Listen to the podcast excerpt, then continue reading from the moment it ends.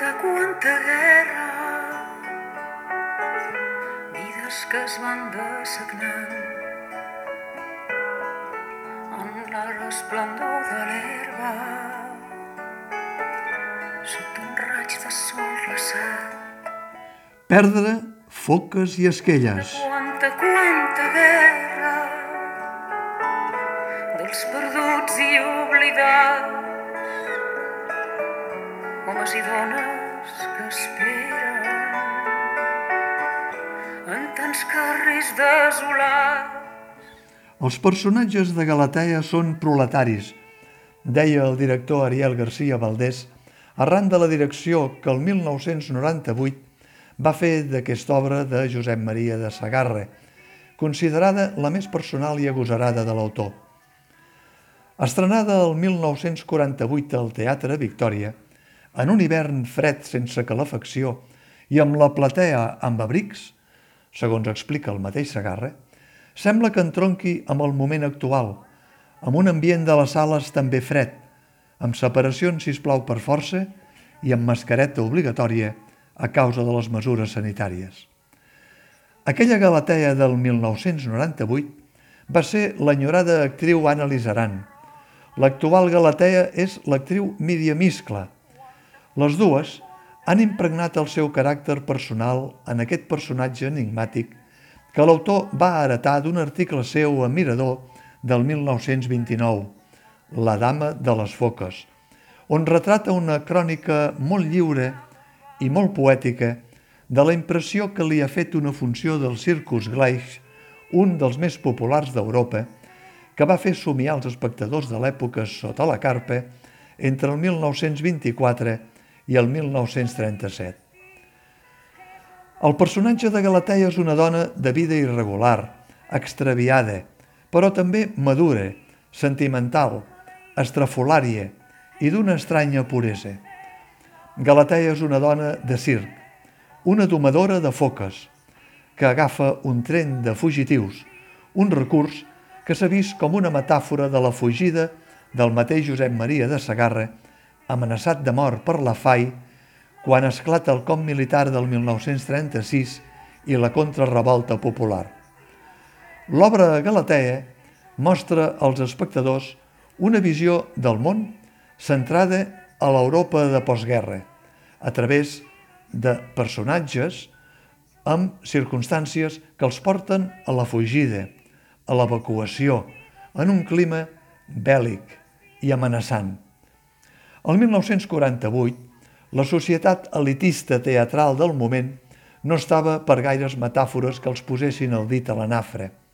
Actualment, aquesta metàfora és molt més impactant, cosa que constata la força de l'obra de Sagarra i el seu caràcter intemporal. Però sembla com si, per tradició, Galatea es continués resistint a tenir una adequada acceptació per part de cada nova generació a la qual s'adreça. En aquest cas, ha exaurit totes les localitats de la sala petita del TNC, encara amb el 50% d'aforament, si us plau, per força. Però això no vol dir que els espectadors del segle XXI en surtin amb una impressió gaire diferent de la del segle XX, quan la van veure en sala gran. El principal repte que té Galatea és transcendir la brillantor del text sagarrià al poder del suggeriment escènic i no perquè el repartiment en general no elevi el nivell a cada nou intent, amb espurnes fugasses de gran impacte entre l'actriu Anna Escona, l'hostalera, i l'actriu Míriam Iscla Galatea, o amb l'actriu Nausica Bonin, la filla Eugènia, sinó que ben aviat els acorrala el text. Contra aquest assetjament dramatúrgic lluita ferrissadament tota la companyia i no sabria fer-ne cap excepció pel molt que aconsegueixen tots plegats. Tampoc no es poden passar per alt altres moments esborronadors entre Galateia i Jeremies, Roger Casamajor, o amb Ernest Villegas, Aquiles, o Borja Espinosa, Samson, o moments poètics d'alta volada amb Santi Ricard, Duroc o Diògenes, i podríem continuar amb els mèrits de cadascun dels intèrprets. L'artista, la gent de circ, lluita contra el món dels negocis, els de Galatea no són idealistes, són proletaris. Efectivament, proletaris, com deia Ariel García Valdés el 1998. La versió actual, dirigida per Rafael Duran, és encara més simbolista que la de fa 23 anys. Els espectadors es veuen obligats a mirar més enllà del que els diuen els personatges.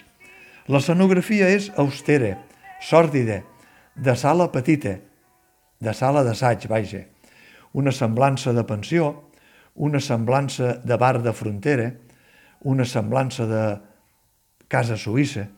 Les maletes marquen el constant trasbals de la fugida i en una fugida tothom perd alguna cosa que és molt estimada, molt personal.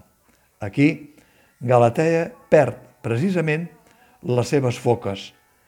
Quantes foques no hem perdut tots plegats al llarg del temps? Quanta, quanta, quanta guerra.